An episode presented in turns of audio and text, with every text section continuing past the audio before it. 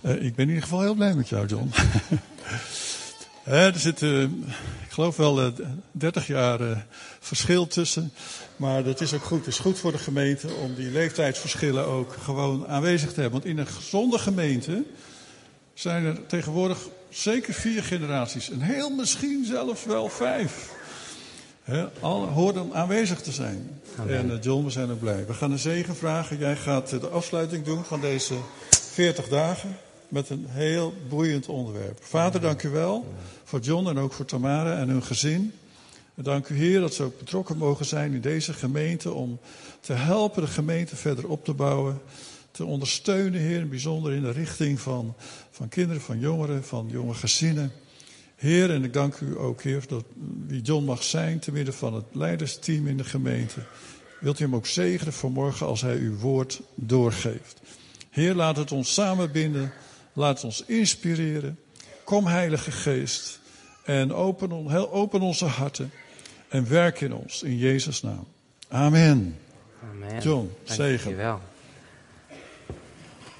Ik zet hem ietsjes naar voren. Kan je het zien als ik hiervoor sta? Aan deze kant? Ja, ja of, of sta ik er echt veel voor? Dan ga ik helemaal naar voren.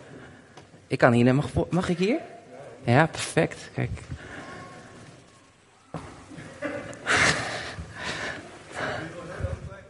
Ben ik dan heel erg klein? ja, dat, we, hebben een, we hebben een discussie gaande elke woensdag. Of we nou boven op het podium of beneden het podium. En ik ben van de beneden podium, Arenda ook, maar Peter is van boven. Dus, dus we zitten een beetje te stoeien. Dat is elke keer een disclaimer. Toch naar boven? Ik, blijf mezelf, ik mag mezelf zijn, dan zitten we toch? En ik ga beneden. oh, geweldig. Ik zeg heel even kijken of ik het kan doen. Um, je ziet me liever boven dan beneden? Is het echt zo? Nee? Nee? Nee, oké, goed. Gelukkig. Nou, super mooi dat we samen weer bij elkaar zijn. En uh, ik vind het ook een echt een, een geweldig iets dat we de laatste weken ingaan van ons 40 dagen project. Ik heb er echt van genoten. Ik, uh, er waren echt een paar highlights die ik uh, heb onderstreept, uitgekoud en gestoeid. Van hé, hey, wat betekent dat nou? En ik moest een beetje bedenken van, goh, weten we nog precies wat in week 1 gebeurde? Kan iemand nog herinneren? Waar ging het thema ook weer over? Jezus koning, kijk, dat zijn de troopers. Uh, week 2, discipelschap. Week 3, mooiste, mooiste week, liefde en, en opdracht. Week 4, apostolische instelling. Ja, dat vond ik een hele interessante. En week 5, organische structuur. Kun je nog herinneren? Allemaal lid van hetzelfde lichaam. Geweldig. Uh, maar ik mag hem afsluiten met een onderwerp wat uh, heel dicht bij mijn hart zit. En eigenlijk al een aantal jaren, als ik hierover uh, mag spreken, dan betrap ik me vaak op dat ik te lang erover spreek. Dus ik heb ontdekt dat als ik hierover zou spreken en ik zou het goed doen, dan ben ik minimaal vijf dagen bezig, minimaal vier uur en dan gaan we de hele Bijbel door. Maar dat kan ik dus nu niet, want ik krijg maar twintig minuten. Dus jullie krijgen een samenvatting van een samenvatting. Van een samenvatting. Dus ik hoop een paar highlights eruit te halen om ons te triggeren vanochtend over het thema communitas. En het is het laatste thema, dat gaat natuurlijk over de gemeenschap onderling. En hier in het boekje wordt vertaald over het woord team spirit. Vind ik een hele mooie vertaling. Vanuit het boek bedacht snap ik hem helemaal. Maar community is meer dan alleen team spirit. En ik hoop beide kanten van de team spirit en de gemeenschap te kunnen highlighten vandaag. En waar we dan als het ware een beginnetje mee kunnen maken om ons te triggeren deze week uh, als we over het onderwerp hebben. Maar om dat te doen uh, begin ik eerst met een quote van Floyd McClung. En hij zegt het volgende. De kerk, dat ben jij. And be the change you want to see. Met andere woorden, de kerk is niet een vier muren, is niet een visie van een voorganger of een team. Het is niet het, het, het, uh, de activiteiten van een kerk maken. Kerk zijn jij en ik. En wij zijn samen geroepen om de gemeente te zijn. Uh, en samen maken we dan ook het verschil. Jij maakt het verschil binnen je gemeente. En uh, een belangrijke leider in mijn leven, een voorganger in mijn leven, die zei altijd tegen mij op woensdagochtend: De thermostaat van de gemeente bepaal je zelf. Je bepaalt hem of je hem hoger zet of lager zet. En dat heeft me echt aan het denken gebracht: van ja, wat is mijn thermostaat die ik bepaal in de gemeente? Zet ik hem hoog of zet ik hem laag? Ik wil vandaag een beetje kijken naar het woord gemeente. En ik ga het even een stapje achteruit doen, zodat we even weer het hele plaatje hebben van deze vier, um, vier uh, dingen. Ik heb een mooie PowerPoint of een uh, pages gemaakt. Het werkt anders dan PowerPoint, dat zie je dus. Maar ik wil je met je meegaan terug naar de essentie. En we gaan even terug naar wanneer Jezus voor het eerst de gemeente als het ware instelt. En dat vinden we natuurlijk in Matthäus hoofdstuk 16, vers 18. Dat is de beleidenis van Petrus. En er staat in, je mag hem doorklikken Anton. Op deze rots bouw ik mijn gemeente. Um, de beleidenis dat Petrus zegt, Jezus Christus, u bent de Heer, de levende God. En hij zegt tegen Petrus, Petrus, op deze Petra bouw ik mijn gemeente. Op deze rots bouw ik mijn gemeente. En theologen zijn er soms niet helemaal over uit wat het nou precies betekent. Maar de algemene consensus is dat het gaat hier om de beleidenis van Petrus. Dat als je gelooft met heel je hart en met je mond beleidt dat Jezus Heer is, behoor je tot de gemeente. Dan ben je deel van dat lichaam. En de gemeente hier betekent ecclesia, wat betekent uitgeroepene. Dus op grond van je beleidenis behoor je tot de gemeente van Christus. Dat maakt ons dat wij als Leef Zutphen ook weer verbonden zijn aan de grote gemeente van God. In Zutphen, maar ook in Nederland. We zijn verbonden met elkaar in verschillende bloedgroepjes en kleurtjes en, en alle dingen meer. Wij zijn deel van deze gemeente. En dat is die theologische waarheid, dat Jezus Christus is Heer. Hij is de Zoon van God, hij is gestorven voor ons en weer opgestaan. En hij heeft zijn geest aan ons gegeven, dat we vervuld mogen worden om hem te kennen in waarheid en met hem te wandelen. Amen. Iedereen die zegt, dat geloof ik, zeg even je hand in de lucht. Yes. Dat is cool, de theologische waarheid. En als je het zou begrijpen, als je voor de wat, uh, mensen die wat verder zijn in, onze, in je geloofsleven, dan herken je natuurlijk dat Jezus hier een Grieks woord gebruikt in een Joodse, in een Joodse context. Dat is een interessante. Waarom zou Jezus een Grieks woord gebruiken in een Joodse context? Hij was toch Jood? Uh, maar dat kwam omdat er al een gemeente was, dat was de synagoge. Uh, maar Jezus zegt van nee, ik, ik roep een andere soort gemeente bij elkaar op grond van een andere beleidenis. De beleidenis dat ik Heer ben. En hij geeft hen, als het ware, de autoriteit om te binden en te ontbinden. En daarmee zijn koninkrijk op aarde te willen vestigen. En dat is een heel interessante gedachtegang. Jezus geeft aan zijn kerk um, dat hij de kerk zal bouwen op de openbaring dat Jezus de zoon is van God. En, um, en ieder die tot deze ontdekking komt, behoort tot zijn gemeente. En dat is een andere gemeente dan de gemeente die vastzat in structuren en vormen en religie. En dan gaan we verder kijken hoe dat dan zeg maar doorging. En als we dan in het boek een beetje doorgaan, dan komt deze tekst komt heel vaak terug. Handelingen 2 vers 42. Dan wordt gesproken over de gemeenschap. We zien dat de gelovigen die Jezus beleiden met de mond op een gegeven moment vervuld raken met de geest van God. En samenkomen in gemeenschap. En we zien hier het woordje gemeenschap, wat in de grondtekst betekent koinonia, ook weer een Grieks woord. Dat betekent de interactie, de verbondenheid, de partnerschap, de gemeenschap, het delen, de team spirit. En de Bijbel zegt daar, ze kwamen bij elkaar samen, ze verharden in de leer en in de gemeenschap, in de koinonia. En de breking des broods en de gebeden. En als we zo kijken wat het nou werkelijk betekent, dan moet je eigenlijk een beetje dieper gaan graven. En dan zien we hier in Handelingen 2, vers 43 en 47, en Handelingen 4, vers 32 en 36 de gevolgen van deze gemeenschap. En laten we dat eens gaan opzoeken in de Bijbel, wat we daarmee bedoelen. Handelingen 2. De samenvatting gaat snel, hè? Dus uh, brace yourselves, daar grapje. Handelingen 2.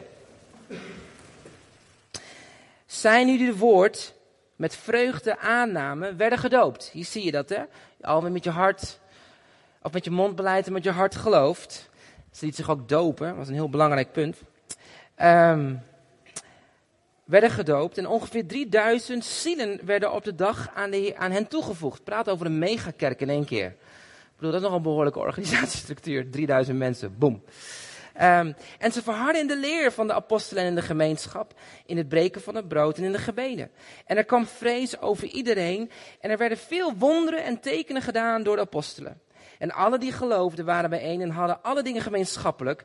Ze verkochten hun bezittingen en hun eigendommen en verdeelden dit onder allen naar ieder die dat nodig had. En ze bleven dagelijks eensgezind in de tempel bijeenkomen.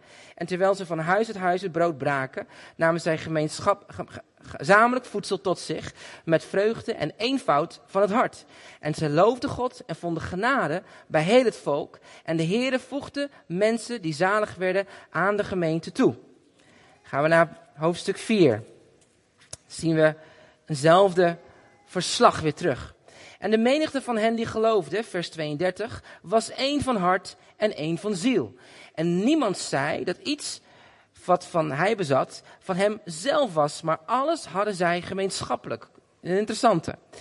En de apostelen legden met grote kracht getuigenis af van de opstanding van de Heer Jezus. En er was grote genade over hen allen. Want er was ook niemand onder hen die gebrek leed. Want alle die de landerijen of huizen bezaten, verkochten die en brachten de opbrengst van het verkochte en legden die aan de voeten van de apostelen. En aan ieder werd uitgedeeld nadat men nodig had. Dat is een interessante, hè? Wat een gevolg van die redding die je ervaart in je hart. Ze verkochten alles wat ze bezaten. Ze deelden hun leven met elkaar. Ze genoten van de maaltijd onderling. Thuis. Ze zorgden voor elkaar.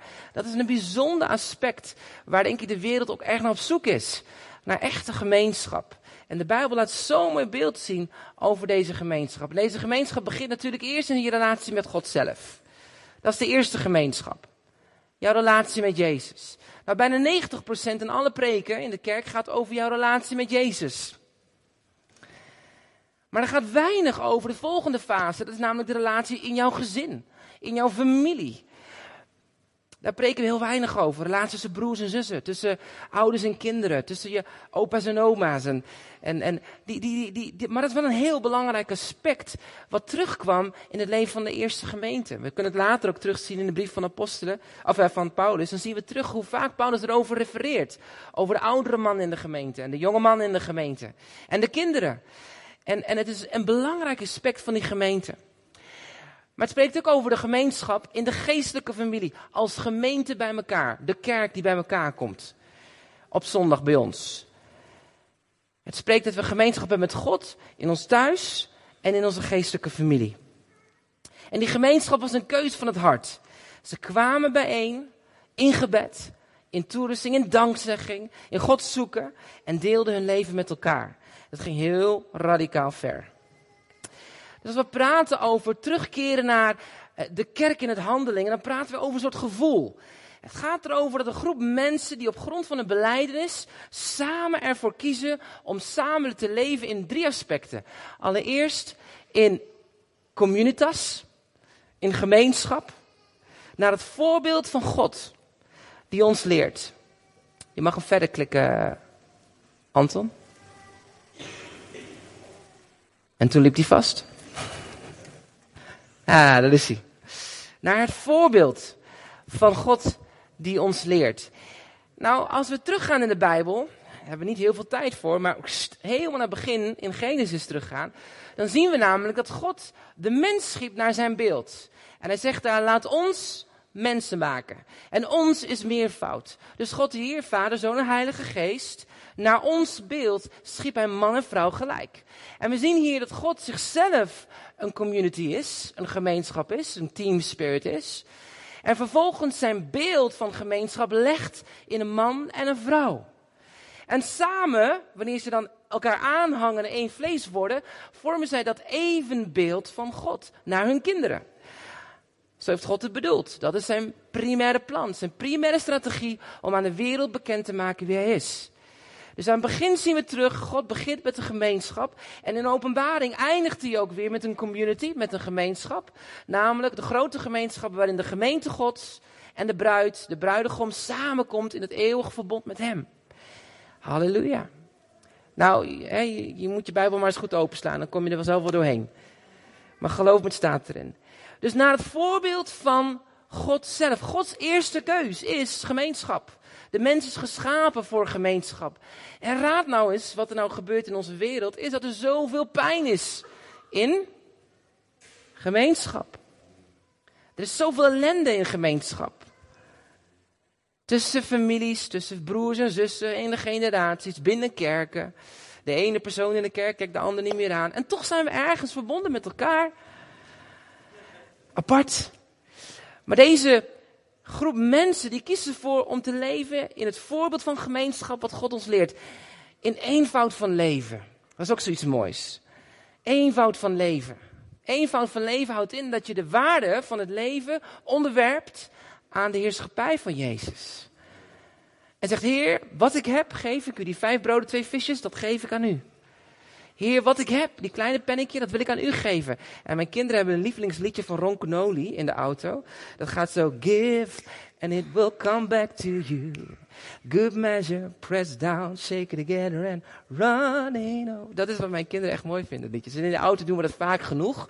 Dus we leren hun nu ook dat ze geld geven aan hun papa en mama. Grapje. Maar ze leven ook met een missie en een zendingsopdracht. Dat is een groep mensen die kiezen ervoor om een zendingsopdracht te hebben. Om Gods koninkrijk te demonstreren, zichtbaar, onder andere in kracht, wonderen en tekenen. En ik verlang elke keer weer, en ik, hoor, ik word altijd heel excited van mensen die ook daarna verlangen dat God niet alleen maar is en we over praten, maar mensen het letterlijk beleven en ervaren door wonderen en tekenen. Amen. En daarom hebben we die Heilige Geest ook zo hard nodig. Prijs God. Maar het probleem vandaag de dag is dat we gemeenten vaak benaderen vanuit een individueel perspectief, vanuit een ik-perspectief. We zien, we zien de kerk als een plek, vaak voor een goede preek. En we checken al Facebook af wie er komt spreken. En je denkt, ah, nou komt die John komt er weer aan, nou dan blijf ik liever thuis, want hij preekt te snel en te lang. Dat is vaak wat er gebeurt. Um, we, of wordt contact voor de anderen. In de hervormde kerk is het zo dat de standaard na de dienst heb je een kopje koffie. En dat is heilig voor de ouderen in de hervormde kerk. Dat ene moment dat je samen koffie drinkt, dat is gemeenschap. Terwijl de jongere denkt van, hallo, waarom zou ik met jou een kop koffie gaan drinken na de tijd van de dienst? Want als je al niet koffie met mij wilt drinken door de weeks, waarom zou ik dan met jou zondags willen drinken? Ik ben toch niet geïnteresseerd. Dus maar net hoe je naar kerk en gemeenschap kijkt. Maar de gemeente in handelingen gaat veel verder. Het is geen gemeente waar je zondag alleen bij elkaar komt even opgeladen te worden aan een soort plug en dan vervolgens weer verder gaat. Tuurlijk, er is verfrissing, er is toerusting, er is een moment dat je weer geïnspireerd wordt. Maar het gaat een stap verder. Kerk en gemeente zijn gaat een laag dieper. En dat diepere laag, uh, dacht ik, weet je wat, ik ga eens even vertellen wat het niet is. Misschien helpt het ons om te ontdekken wat het dan wel is. En het eerste is dat um, een gemeente geen collectief is, of iets communistisch, waar alleen maar kopieën rondlopen. Uh, en waar we kopieën worden van elkaar en hetzelfde doen. En allemaal zeggen en gedragen. Weet je, dat is het niet. Ik ken wel eens in die, onze ehm, VPE-gemeentes, ik kom er ook uit een van. Dan als er een bepaalde voorganger een bepaald huppeltje had tijdens de worship. Driekwart van de gemeente ging dat huppeltje doen op een gegeven moment naar de worship. Want het leek dan net of je die dichter bij de Heer kon komen. Als je dan bijvoorbeeld iemand in tongen sprak, nou groeiden we op om zo mee te spreken, dezelfde tongentaal. Maar dat is het niet. Dat is een kopiegedrag. En God roept ons niet te kopiëren. God roept ons niet om een soort een of ander uh, uh, collectief te zijn, iets communistisch, waarbij ze allemaal grijze pakken dragen um, en witte schoenen. Of net als Steve Jobs, allemaal zwart gaan met witte gimpen. En allemaal iPhone dragen met een wit koordje. Nee, we zijn geen collectief. Um, nee, God roept ons niet om kopie te worden, maar God roept ons om ons creative design, ons, hoe, we, hoe we gemaakt zijn als persoon, om dat te leven en te vieren. We zijn geen groep van individuen die samenkomen op basis van een contract. Hè? Vandaag de dag heb je natuurlijk een contract wat je kan sluiten in je huwelijk. Dus als je niet bevalt, dan breek het contract open en dan ga je weer weg. Nee, maar we komen samen op basis van een verbond. En dat verbond is betaald met bloed. Het is betaald met leven. En dat verbond maakt dat je zegt van nee, nee, nee, wacht even. Ik kies niet zomaar voor een gemeente. Ik ben een gemeente en ik verbind me om gemeente te zijn. Dat is een hele andere benadering. Want anders kan je shoppen naar elke kerk waar je wil. En zeg waar, elk huisje heeft een kruisje, is de uitspraak. En dat is echt zo. Er zal overal wel iets zijn. Maar het is dus niet dat je komt op basis van een contract. Het is ook niet zo dat we nou allemaal in één keer moeten overstag moeten gaan, allemaal huiskringen moeten gaan vormen. Dat is ook geen gemeente. Sommige mensen lang leven huiskringen, want dan zijn wij niemand verantwoording schuldig. Kunnen we gewoon doen wat we zelf willen. Dat is het ook niet. En het is ook niet zo dat je per se samen in community moet wonen, in een één huis moet wonen. Wij werkten bij Jeugd met een opdracht. En ik realiseerde me dat na ongeveer kleine tien jaar daar gezeten te hebben, dat je dus in gemeenschap kan wonen met mensen, dus in een één huis, en toch niet gemeenschap ervaart. En dat je alleen maar samenkomt vanwege de missie. En maar je kent ze voor meter. En zo kan je ook in de kerk komen. Dat je komt voor de gemeente en toch niet verbonden bent met elkaar. Toch niet elkaar kent. En samen dat gemeente bent en ervaart. Het is ook niet een groep dat afhankelijk is van elkaar. Want dan heb je natuurlijk ook wel van die mensen. Die worden een beetje, de, we noemen dat codependent met een groot woord. Maar die zijn dan een beetje afhankelijk van elkaar. Oh, ja, maar zij kan goed spreken, dus daar moet ik me aan vasthouden. En, en, en, en zij is meer pastoraat. Dan, als ik bij haar ben, dan word ik tenminste sterker. En dat is codependency. Dat willen we ook niet. Dat is ook niet wat God bedoelt. Wat, wat bedoelt God dan wel? Laten we eens kijken naar een aantal kenmerken van een gezonde communitas. Een gezonde gemeenschap. En ik heb er vijf gekozen. En allicht zijn het er meer. Maar het helpt ons om even op weg te gaan. Allereerst. Een community wordt gedefinieerd door de afstand tot elkaars hart. Oh. De afstand tot elkaars hart. Dat is lastig. Want het betekent dat ik mijn hart moet willen openen voor de ander. En dat is een keuze van je hart. Nou, het woord fellowship is een andere vertaling van community, van gemeenschap, communitas. In het Engels betekent fellowship, hè? betekent to fellow on the ship. Met andere woorden, kom aan boord. Dus je moet als het woord, je hebt een boot, je staat op een steiger. En dan kan je kiezen of je aan boord stapt of niet. Dat is het woord fellowship. Ik kies ervoor om met jou in hetzelfde bootje te gaan zitten. To fellowship, to fellow on the ship. En Filemon spreekt daar heel mooi over. En hij zegt van, we zijn een, een, een, een fellowship, een gemeenschap, een communitas, een gemeente, op basis van ons geloof. En dan geeft hij een kenmerk aan, dat het elkaar verfrist. Wow, elkaar verfrissen. Dus de community wordt gedefinieerd door de afstand tot elkaars hart. Waarin je elkaar verfrist in de relatie. Eh, waar gezonde relaties de basis vormen voor de eenheid. Die je ervaart in de vrede en de onderlinge band die je hebt van vrede door de geest van God. Dat is, dat is gemeenschap. Maar hier brengen we gelijk ook het moeilijkste punt waarom een gemeente de gemeenschap ook zo lastig ervaren. Want je kan wel met een gemeente met duizend man zitten. En ik was deel van een team van een gemeente van duizend man. Maar de onderlinge relaties lagen zo, waren zo dun. Dat als er een steen gegooid werd in de vijver, boem. Het was kapot. Is geen garantie als je een grote gemeente hebt dat het kwaliteit ook goed is in de onderlinge relatie. Maar ik ben ook wel eens in kleine groepen geweest hoor. In kleine gemeentes van 50. En vervolgens, toen daar een bom barstte, dan dacht je, nou, die ken je toch elkaar al? En, je hoeft niet eens bij 50, bij een groep van 10, als je met elkaar samenwerkt in een team of een outreach team. En in één keer barst de bom. Dan kan die relatie zo uit elkaar knappen. Als een gek. Dat je denkt, nou nooit meer weer relatie onderling. Verschrikkelijk. En een van de grootste dingen waarin gezonde communities kapot, of tenminste gemeenschappen kapot gaan, kerken kapot gaan, is het woord teleurstelling. Is teleurstelling. Teleurstelling onder elkaar. Teleurstelling in je medebroeder en zussen. Dat je denkt, hé, hij is een zoon hij, hij is toch een christen? Hij zou toch moeten beter weten wat het met mij doet en voelt en ervaart. En, en vaak als je zo redeneert, dan is het aan de grondslag dat we vaak eigenlijk toch wel een klein beetje meer afhankelijk zijn van de persoon dan van, de, dan van Jezus. We zijn, als het, onze relatie met de persoon is belangrijk, onze relatie met de Heer. Want als we uit de relatie met de Heer gaan redeneren, dan is het makkelijker om te verbinden. Want we ontdekken dat de Heer genade heeft met mij, dan kan ik dus ook genade hebben met de ander. Want als de Heer mij vergeeft, kan de, handen, kan de Heer ook de ander vergeven. Kan ik ook de ander vergeven. Amen. En dat eerste, die beeld van, die, van, van het brood, hè, breken van, ik heb het wel eens over verteld, maar dat is zo'n mooi beeld wat de eerste gemeente denk ik heel goed op het netvlies had. Toen Jezus zei van, dit is mijn lichaam. En hij brak het brood. En zei, en eet. Want je bent deel van mijn lichaam. Je bent deel. En dan moet je voorstellen, ze maken een traumatische ervaring mee van het kruis. En ze komen dan bij elkaar samen. En ze breken dat brood en zeggen, hé hey joh, eet. Met de liefde waar Jezus zijn leven gegeven heeft voor, voor mij, zo wil ik mijn leven geven uit liefde naar jou. Vanwege Hem. En dat is community. Dan maakt het brood een heel ander beeld los bij ons. Verbonden zijn. Zelfs wanneer we fouten maken.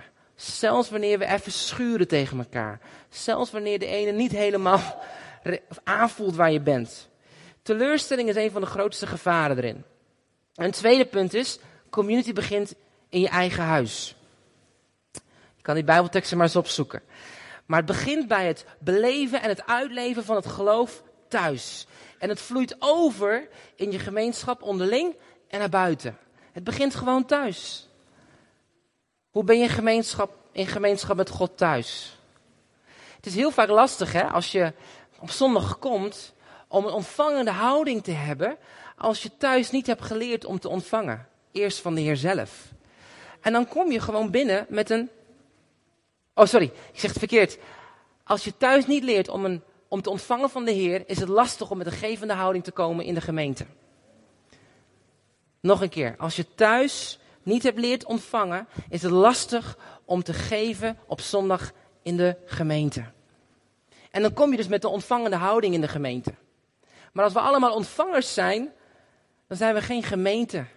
Want de gemeente komt om te geven, te delen, uit te leven, te zegenen. En dat begint dus bij je thuis. Het begint dus bij je thuis, in jouw relatie met je man, met je vrouw, met je kinderen. In relatie naar je ouders, in relatie naar je, uh, naar je kleinkinderen. Uit je eigen community thuis stroomt het over hier ook in onze geestelijke gemeente. Een tweede wat ik je wil geven is dat de community een paradijs is. Een paradijs. De gemeente is een soort paradijs. God wandelde met de mens in het paradijs in Genesis. En ze wandelden in relatie en verbondenheid met elkaar. En God gaf op een gegeven moment, hè, na de zondeval, gaf hij de ark. En de tabernakel, zodat hij met de mens kon wandelen. En dan gaan we verder, dan zien dat de Heer een tempel geeft, waar het volk van God God kon ontmoeten.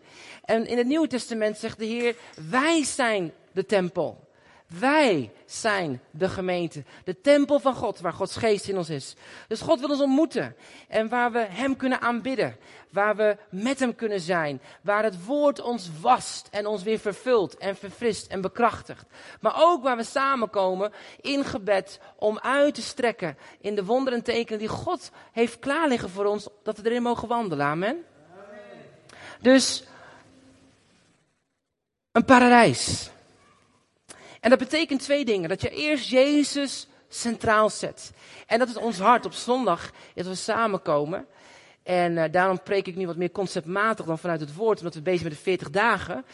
Is dat we samenkomen om zijn woord tot ons te nemen. En dat we zondag komen, is dat we hem de focus willen leggen en hem te aanbidden, als het ware de offers te brengen in zijn tempel is om neer te komen en te knielen in zijn aanwezigheid. En niet te denken van, oh, daar heb je die shake zuster weer. Nee, maar dat je komt om hem te aanbidden, hem groot te maken. Zelfs als de gitaar misschien een beetje vals in jouw oren. Dat maakt niet uit. Dat maakt niet uit. Zo waren wij een keer in Egypte, waar ik naar de, uh, voor, voor les moest geven voor een week in de School of Worship. En toen gingen we op zondag naar een koptische kerk. Nou, ik weet of je ooit daar geweest bent bij Kop, een koptische gemeente, maar dat gaat er heel anders aan toe. Is nog traditioneler dan, uh, uh, dan een hervormde gemeente. En, uh, en, en dat is echt heel bijzonder. Maar wat er was, is dat in eerste instantie kan het als het ware een soort afschrikken. Zo van, oh wat gebeurt hier? Maar God draaide mijn knopje om en ik zei, Heer, ik ben hier om gewoon u te aanbidden. U bent de primary focus. Oh, wat heerlijk dat ik bij u kan zijn. En wat een rijkdom komt er naar je toe als je voorbij de vorm kijkt, voorbij de uiting kijkt en naar het hart gaat zien van mensen. Amen. Dus we willen Hem ontmoeten en met Hem zijn. In aanbidding, in het woord en gebed. En we willen Hem leren kennen. Met heel ons hart. Niet alleen maar met verstand. We willen hem leren vertrouwen. Want je kan niemand vertrouwen als je iemand niet kent. Hè? En uh, je kan hem ook niet lief hebben als je de persoon niet vertrouwt. Het is heel lastig om iemand lief te hebben als je de persoon niet vertrouwt. En daarom ook hem gehoorzaam zijn. En als je moeite hebt met gehoorzaamheid, begin dan van Heer, Heer, leer me meer lief te hebben. Want dan komt gehoorzaamheid vanzelf. Heel simpel. En dat resulteert in een leven dat zich volledig toegewijd is aan God, maar ook aan elkaar. Nou, de vierde kenmerk wat ik je wil geven over een gezonde communitas, een gezonde gemeenschap. Een communitas is een thuis voor alle generaties. Amen. Zullen we een grapje even uithalen? Wie is hier boven de 65? Steek even je hand omhoog. Yes. Om Peter houdt bewust een hand naar beneden. er zijn een paar meer, geweldig. En oh, wat hebben wij deze generatie zo hard nodig. Jullie wijsheid, jullie rust, jullie inzicht. Ik heb het zo hard nodig dat ik soms even gewoon eh, bij het kantoortje, dan hebben Arenda en ik, dan komen we met ons dingetje weer en Peter, rustig aan. Oh ja, oh ja, oh ja, ja, het komt allemaal goed. En dan gaan we altijd weer naar huis en denken, oh ja, dus het komt allemaal goed. De Heer bouwt de gemeente. Weet je, we hebben dat nodig. We hebben nodig die oude generatie. Als ik kijk naar mijn ouders, die zijn ook 65 plus. En als ik die zie dan hoe zij met mijn kinderen omgaan. En hoe zij hun, hun in het leven van mijn kinderen. Super geweldig. Maar andersom, we hebben ook de, laten we even zeggen, de dertigers tot en met de 65-plussers. Waar zijn jullie? Yes.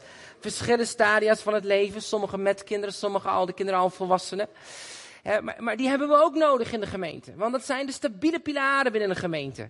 Dat zijn de, degenen die zorgen dat er continuïteit is in de gemeente. En vaak zijn deze mensen ook het meest druk. Ik snap ook niet zo goed hoe dat kan. Uh, als ik naar mezelf kijk, denk ik, ik wil het altijd wat rustiger aandoen en dat lukt me gewoon niet. Maar ik denk ook dat God ons dat gegeven heeft in deze leeftijd om gewoon van betekenis te willen zijn. We hebben de Jozua-generatie nodig en de Caleb-generatie nodig, die oudere generatie. Hè? Niet, niet als ze nog jong waren, maar die oudere generatie, die Caleb-generatie, die zegt, kom op jonge mensen, let's go. We gaan ervoor, we vechten ervoor. Maar we hebben ook dan die middengroep nodig, zegt, inderdaad, waarom dacht ik daar niet aan? Het is mogelijk, als die generatie de weg heeft, de weg is voorgegaan, dan kunnen wij dat ook. En dan hebben we de gasten onder de 30 naar zeg maar nul. De jongere generatie, steek even je hand in de lucht. Yes, die hebben we ook nodig. En daar zit de innovatiekracht in de gemeente. Daar zit de vernieuwing binnen de gemeente. Daar zitten de jongen, niet alleen de, de, de leiders van de toekomst, nee, ze zijn leiders van vandaag. Als ik zie hoe God hun nu al gebruikt, de plakkers, mijn kinderen, kinderen in leef. God is bedoeld dat wij met elkaar samen gaan ontdekken wat het is. Dus een gezonde gemeente is een gemeente waar die drie generaties niet in hokjes wordt gestopt. Maar dat we groeien met elkaar. Verbondenheid. En daarom hebben we All Generations. Sommigen denken, moet dat nou? Nou ja, echt waar. Laten we het maar leren, want we zijn het kwijtgeraakt. Want in de hele Bijbel komt geen kinderwerk voor hoor. Sterker nog, ook geen jeugdwerk. En mijn advies is, jeugdwerk werkt niet. Want in een gezonde gemeenschap heb je dat niet nodig. Maar dan komen de drie generaties in natuurlijkheid bij elkaar. En is het ontspannen en relaxed. En ik wil daar toch even een puntje van maken. Ik kom in gemeentes waar je als drie typen kerken heb ik ontdekt. Je hebt een kerk wat absoluut niks, geen focus heeft op generaties. Nul, nada.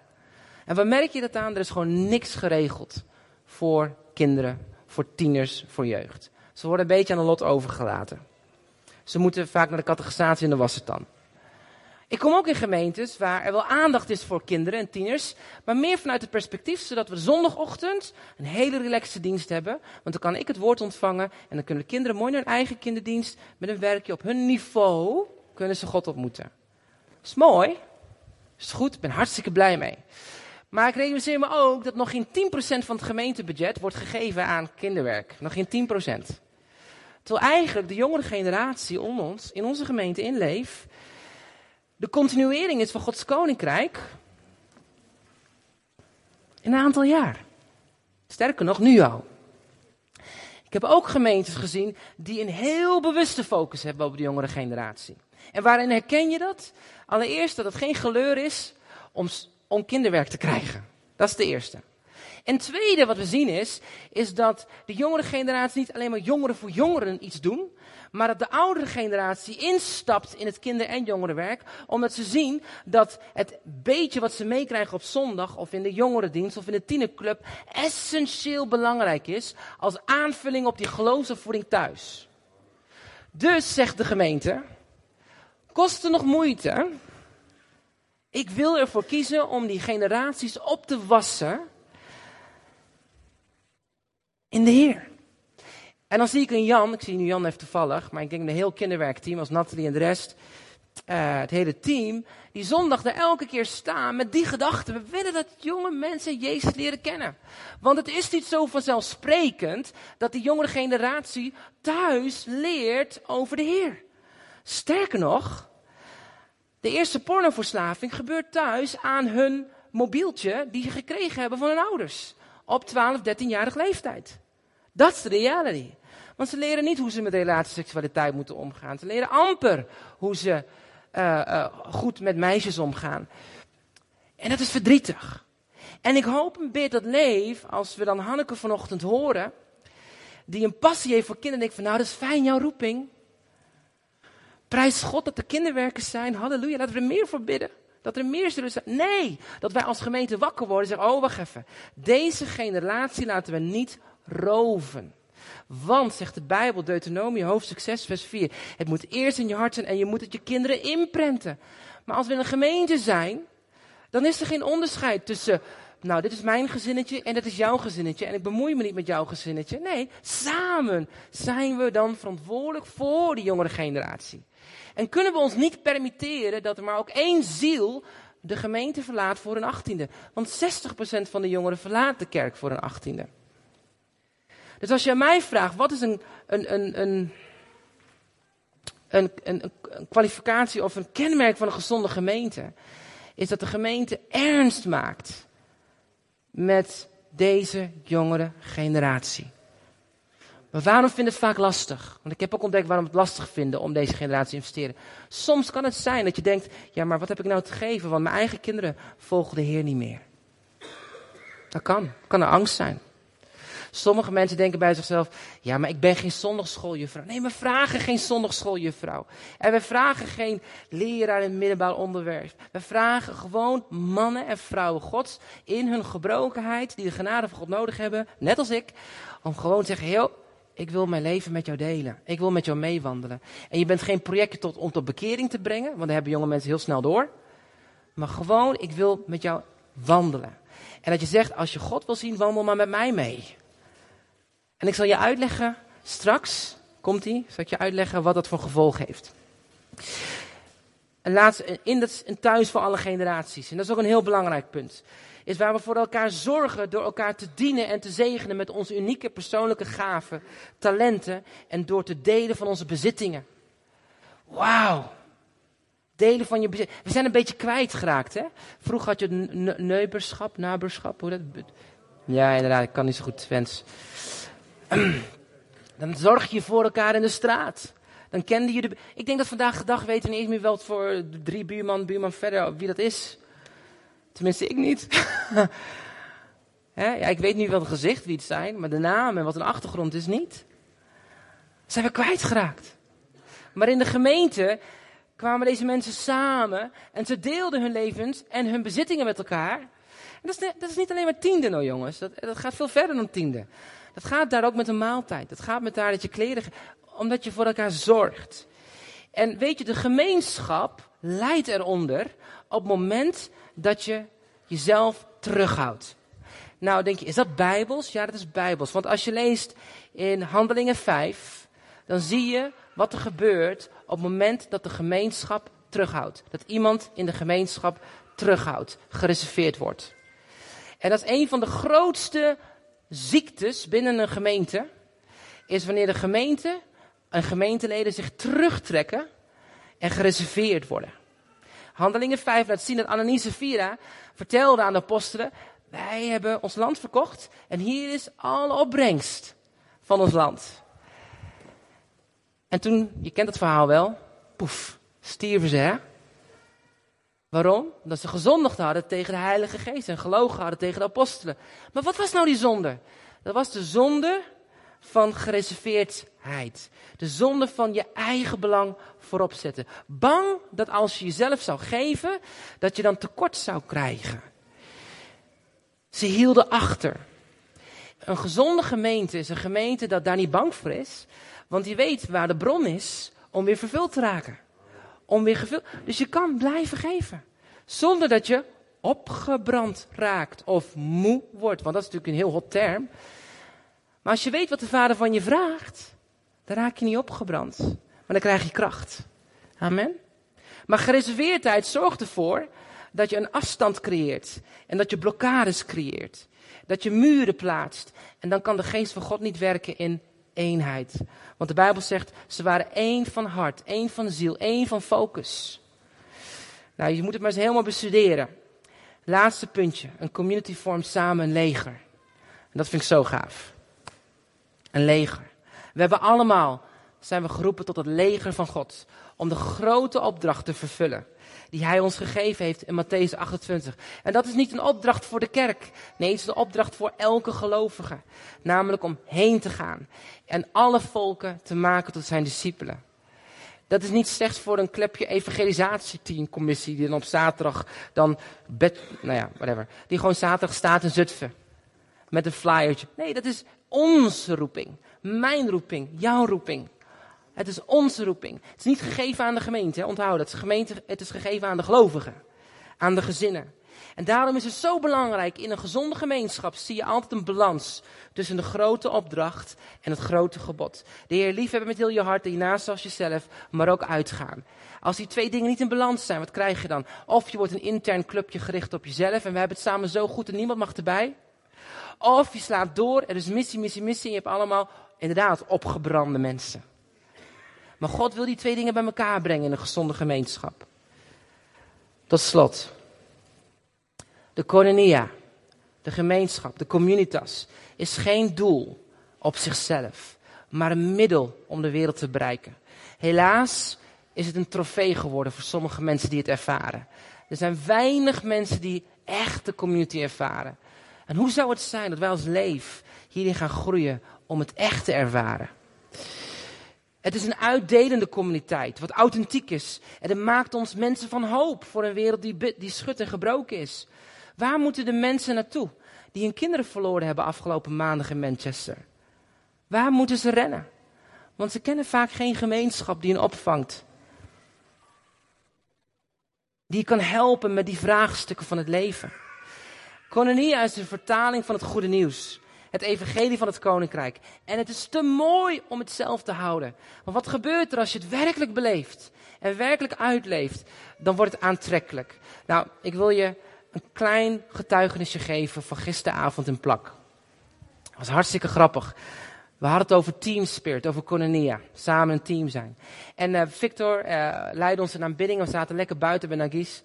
Op de mooie banken, relaxen, lekker gegeten met elkaar. Ontspannen. En op een gegeven moment uh, komt daar...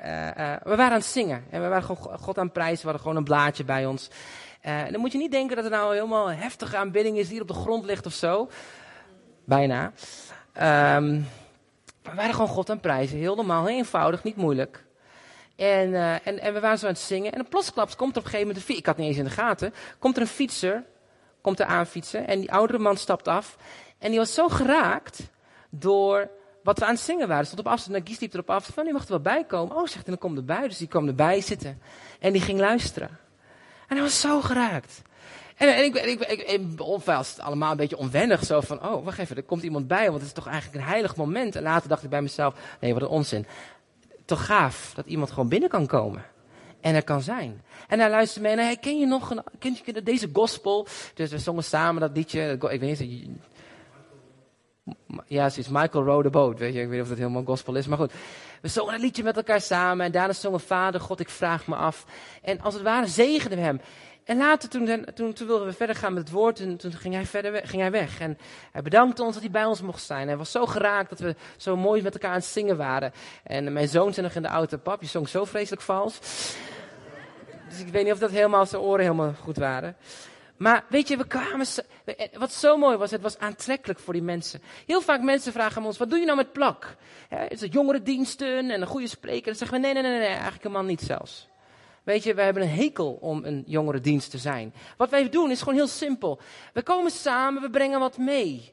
We nemen eten mee, omdat we willen delen van de overvloed die God ons geeft. Dat is het principe. Kom zoals je bent en neem maar mee. En echt waar, Carmen maakt de beste sushi ever. Dus als je ooit een keer sushi wil hebben, moet je naar Carmen. Je komt samen, omdat je wilt delen vanuit je hart. En ik zie al uit naar onze Arabische broers Ik hoop dat ze lekker couscous en zo gemaakt hebben. Ik weet niet. Misschien, Basja? Nee? Oh, helaas. Maar je deelt vanuit de overvloed van je hart. Je komt samen en je deelt. En in dat eerste moment van eten, weet je wat het is? Dan gaat het hart vaak open, hè? Dat is gewoon zo. Wij Indo's begrijpen dat heel goed.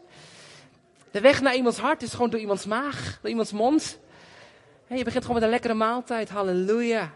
Dan word je ontspannen. En dan ontmoet je elkaar. Nou, en dan gaan we ook echt, echt wel oprecht God zoeken. Want dat is een belangrijk aspect in een gezonde gemeenschap. Maar we hebben geen dienst. Nee, we doen het gewoon heel eenvoudig. We gaan God gewoon aanbidden met gewoon zoals je bent. En de ene zit gewoon lekker lang uit in de stoel. De ander staat op. En dat mag. We gaan samen naar het paradijs. Ieder op zijn niveau.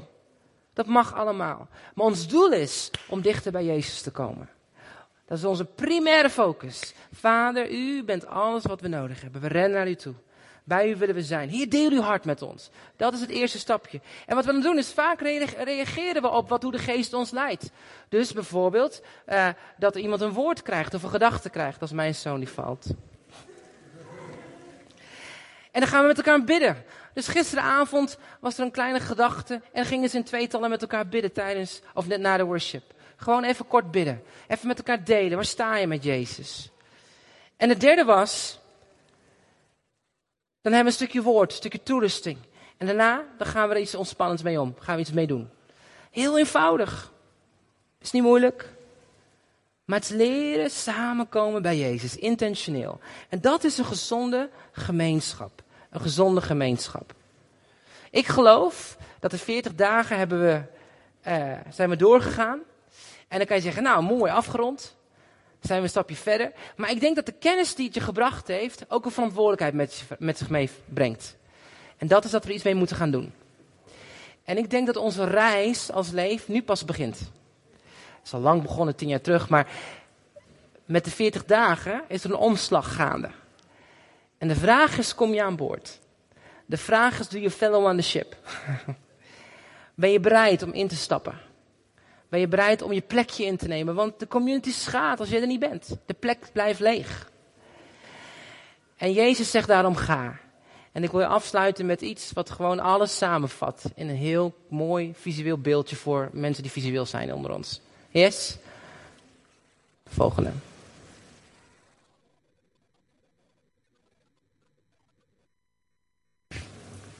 Misschien moet je dubbel klikken of zo.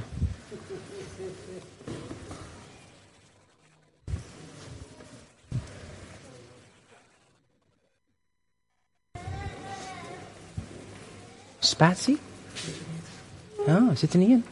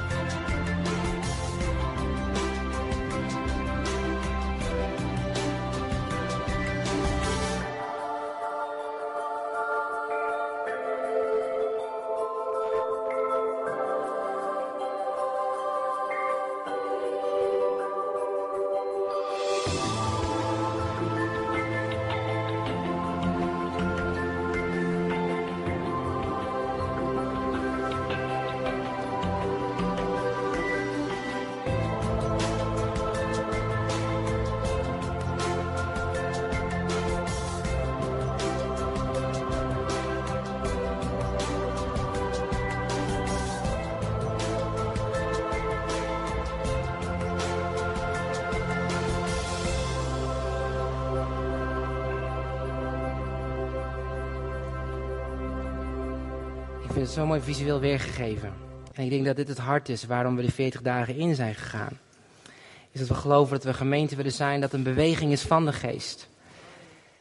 Dat die gemeente niet alleen maar zondag samenkomt, maar juist door de week elkaar blijft ontmoeten. En elkaar versterkt. En de gemeenschap onderling sterk verbonden is.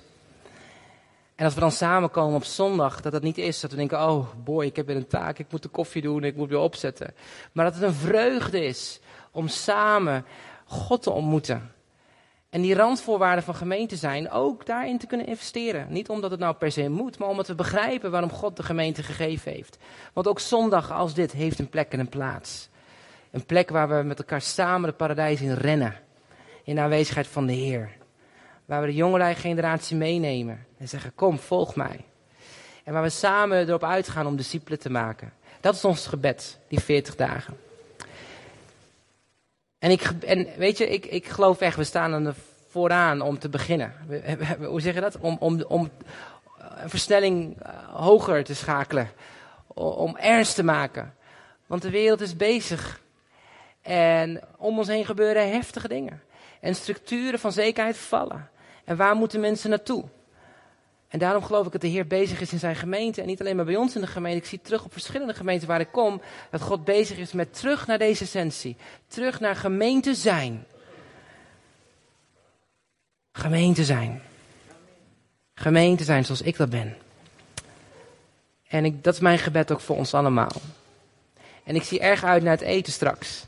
En dat is niet omdat we nou denken, nou dat is leuk en alleen gezellig. Maar ik, er zit een doel achter, hè is dat we elkaar echt weer dichter elkaar mogen leren kennen. Ik vind het ook heel mooi onze tijden van, van aanbidding de afgelopen paar, paar weken. En als we dan samenkomen, ook met hemelvaart en paasdienst. Het is allemaal wat eenvoudiger. Dat betekent niet dat er geen mensen zijn of zo. Daar gaat het niet om. Het gaat erom dat we terug willen naar de essentie met elkaar. En ik geloof dat we op deze weg zitten. We zijn er nog lang niet. Maar we samen komen heel eind. Amen. Zullen we gaan bidden? Hemelse Vader. Wat bent u een geweldige God. We zongen het ook net vanochtend en zo'n geweldige God bent u. U bent de koning en Heer, wij zijn uw leger. We mogen deel zijn van de bende van Jezus. Soms maken we er ook een beetje een bende van. Maar Heer, dank u wel dat u zo liefdevol bent. Dat u ons verbindt en ons doopt in uw lichaam. Om samen één te zijn. In communitas, in een gemeenschap in gemeente zijn. En Heer, als we vanochtend ook uh, hierover nadenken, dan bid ik Heer dat we, als we door deze week gaan, in onze stille tijd en in de gespreksgroepen, dat we alle franjes van de zaken af kunnen halen. En dat we nog dieper mogen gaan naar de essentie van uw hart. En dat we tot de conclusie komen, Heer, dat we kunnen zeggen, ja Heer, tezamen met alle heiligen ontdekken we de hoogte, de breedte en de diepte, de liefde van Christus. Heer, want het alleen in tezamen zijn, hier zijn we één. Heer, en daar is geen plek voor conformisme. Daar is geen plek voor allemaal hetzelfde zijn. Maar er is de viering van het individu verbonden in eenheid. In interdependency, onderling afhankelijk. Omdat we weten dat in je eentje kan je ver komen, maar met elkaar samen kunnen we veel verder reiken. Heer, maak ons bewust van een lichaam. Wat we zijn met elkaar. En ik dank u wel, Heer, voor deze gemeente. Ik dank u wel, Heer, dat u leef al, al deze jaren hebt geleid en beschermd, Heer. En dat u in het proces met ons bezig bent geweest. U bent nooit gestopt. En ik dank u wel, Heer, dat u ons nieuwe openbaring hebt gegeven persoonlijk, maar ook ons als gemeente. Dat we erin mogen gaan wandelen met alle vrijheid. En ook met alle ruimte om te zeggen, ja, Heer. Ja, Heer. Ik wil groeien in de team spirit. Ik wil groeien in de communitas. En het team schaadt als ik niet deel ben van dat team. En zo, Vader, we prijzen u. Heer, bevestig uw woord in ons hart. Heilige Geest, wilt u de dingen filteren, Heer, die niet van u zijn. Dat alleen dingen overblijven in ons, wat toepasbaar is voor ons persoonlijk. Maar ook voor ons als gemeente. En ik zo prijs ik uw naam, Heer, voor ons samen zijn. In Jezus' naam. Amen. Als je straks gaat eten, wil ik je vragen om eens nou eens gewoon eens met iemand in gesprek te gaan. Waar je normaal niet mee zou spreken. Dat, was lastig. Zoek iemand op waar je normaal niet mee zou spreken. En stel de volgende vraag aan de ander. hey broer, zus. Allereerst, als je niet goed weet wie die persoon is. Moet je natuurlijk even de personalia vragen, dat is altijd handig. Maar dat je even checkt. Hey, en vraag van, joh, vertel nou eens, waarom geloof jij in Jezus? Waarom geloof je nou eens in Jezus? Wat maakt dat je bij Jezus wil zijn? En als je dat durft te vragen, dan geloof ik dat je echt hele bijzondere gesprekken gaat krijgen. Dat je ook heel verrijkt naar huis gaat. En dat je ook bemoedigd wordt in jouw eigen geest. En zoals Filemon ook zegt, dat je verfrist wordt door de gaven van de ander, die de ander met zich meedraagt. Dus niet terugtrekken, jongens, ik eet mijn eigen dingetje wel. Nee, stap nou eens uit. Voor sommige introverten is dat een beetje lastig, snap ik. Neem je plekje, doe het lekker buiten of binnen, maakt niet uit. Maar neem het moment om in gesprek te gaan met elkaar. Amen? Amen. Dankjewel. Prijs de Heer. Wel, Oh ja, dat heb je ook nog wel. eh, de kinderen kunnen opgehaald worden. Voor, als, er zijn ze al terug. Maar anders kunnen ze